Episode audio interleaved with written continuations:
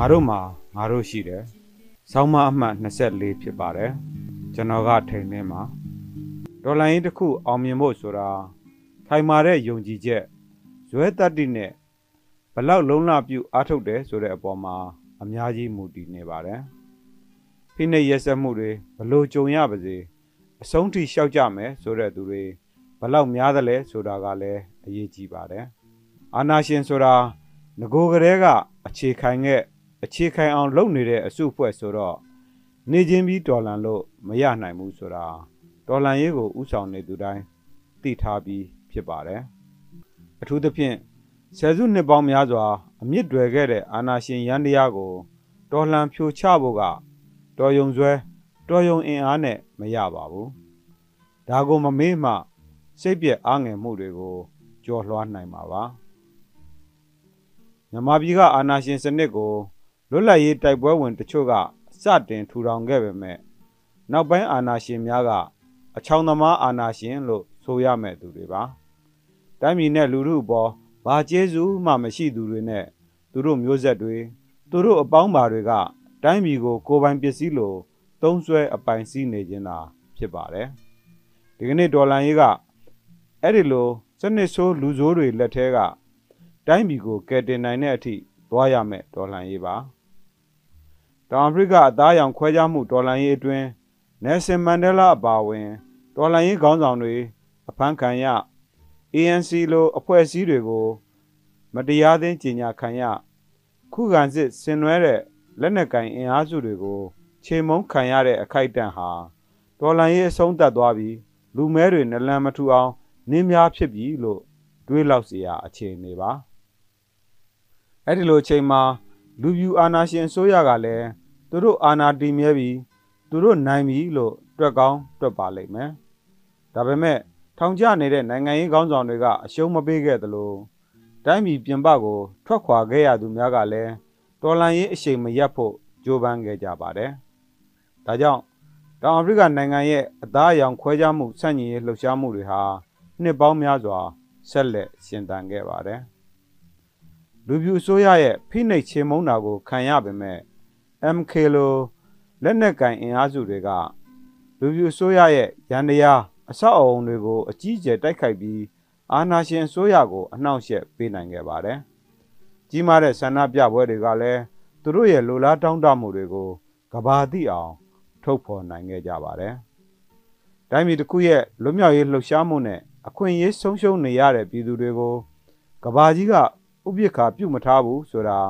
တောင်အာဖရိကရဲ့ဒန်းတူအခွင့်အရေးလှုပ်ရှားမှုသမိုင်းတွေမှာအထင်ရှားတွေ့မြင်ရမှာဖြစ်ပါတယ်။ Nelson Mandela လွတ်မြောက်ရေးတောင်အာဖရိကအသားအရောင်ခွဲခြားမှုဆန့်ကျင်ရေးလှုပ်ရှားမှုတွေဟာကမ္ဘာပေါ်ကနိုင်ငံအများအပြားမှာကြဲကြဲပြန့်ပြန့်ပေါ်ပေါက်ခဲ့ပါတယ်။ကမ္ဘာပေါ်ကပြည်သူတွေဟာလူအခွင့်အရေးချိုးဖောက်မှုတွေကျူးလွန်နေတဲ့အသားရောင်ခွဲခြားပြီးဖိနှိပ်နေတဲ့လူပြူအစိုးရကို နှီးမျိုးစုံနဲ့အရေးယူခဲ့ကြပါတယ်။အထူးသဖြင့်လူပြူအစိုးရရဲ့ဝင်ငွေပိတ်ဆို့နိုင်ဖို့တောင်အာဖရိကမှာတင်ပို့တဲ့ပစ္စည်းတွေအသီးအနှံတွေကိုမဝယ်ဖို့သပိတ်မှောက်ခဲ့ကြပါတယ်။အာနာရှင်တွေကိုအကျိုးပြုစေမဲ့အစားအသောက်တွေအသုံးဆောင်တွေကို မစားတောက်လိုက်ရလို့မသုံးဆွဲလိုက်ရလို့ကိုယ့်အတွက်နစ်နာမှုဖြစ်မသွားပါဘူး။ဒါပေမဲ့တပိတ်မှောက်သူတွေများပြားလာတာနဲ့အမျှအာနာရှင်တွေရဲ့အကျိုးစီးပွား ရုပ်ရော့ချိနေလာမှာဖြစ်ပါတယ်။အာနာရှင်ကိုပံ့ပိုးရာကူညီအားပေးရာမရအောင်ထိမ့်ချုပ်ခြင်းကလည်းအတန်တိတ်တော်လှန်ခြင်းပါပဲ။အဲဒီလိုပြည်တွင်းကလှုပ်ရှားမှုနဲ့ပြည်ပကအားကောင်းတဲ့ပံ့ပိုးမှုတွေပေါင်းစပ်လိုက်တော့နောက်ဆုံးမှာတောင်အာဖရိကတိုင်းပြည်ဟာပြောင်းလဲမှုလမ်းပေါ်တက်ခဲ့ရပါတယ်။ဒီကနေ့ကျွန်တော်တို့တိုင်းပြည်ကလွတ်မြောက်ရေးလှုပ်ရှားမှုတွေမှာတောင်အာဖရိကတော်လှန်ရေးထက် အားကောင်းတဲ့အနေအထားတွေအများကြီးရှိနေပါတယ်။ဒီအချိန်တိုင်းဆက်လက်ချီတက်ကြရင်မဝေးတဲ့ကာလမှာတိုင်းပြည်ရဲ့အနာဂတ်အခင်းအကျင်းသစ်တစ်ခုကို တွေ့မြင်ရမှာဖြစ်ပါတယ်။မြန်မာပြည်သူများခမညာကိုယ့်ဥယျာဉ်မှာပန်းပွင့်ဖို့ကိုယ်တိုင်ပြိုးရပါမယ်။နေရိပ်လိုချင်ရင် နေပူကိုဖြတ်ရပါမယ်။ရိုင်နူတွန်းမှရွေ့မယ်အချိန်မှာကိုယ့်အင်ကိုအားကိုထဲ့ဝင်ကြပါမှပုံမခီးပေါက် ခီးရောက်မှာဖြစ်ပါတယ်။ရှစ်ဆက်မဲ့ခီးဟာဝေးတယ်လို့စိတ်ထဲမှာခံစားမိခဲ့ရင် ကိုယ်တွေဘလောက်ထိခရီးပေါအောင်ရှောက်ခဲ့ပြီလဲဆိုတာပြန်ပြီးငဲ့ကြည့်လိုက်ပါဒီကနေ့ဒေါ်လာရေးဟာလူနည်းစုတွေရုန်းကန်နေရတဲ့ဒေါ်လာရေးမဟုတ်ဘူးဆိုတာသတိပြုမိရင်ပဲရှေ့ဆက်ဖို့ခွန်အားတွေပြည့်လာပါလိမ့်မယ်ငါတို့မှာငါတို့ရှိပါတယ်ကျေးဇူးတင်ပါတယ်ခင်ဗျာ ဒုချေကိုင်းတဲ့လက်ကြွေကိုအရိုင်းမြေမှာအချဲတွေကိုင်းစေရင်ခီးပြင်းနေရပေမဲ့ဒုခေရဲ့ဘုံကိုချဲ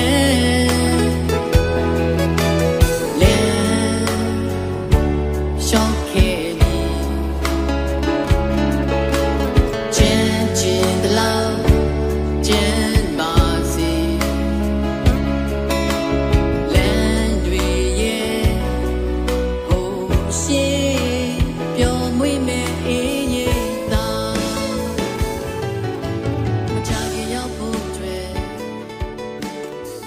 between me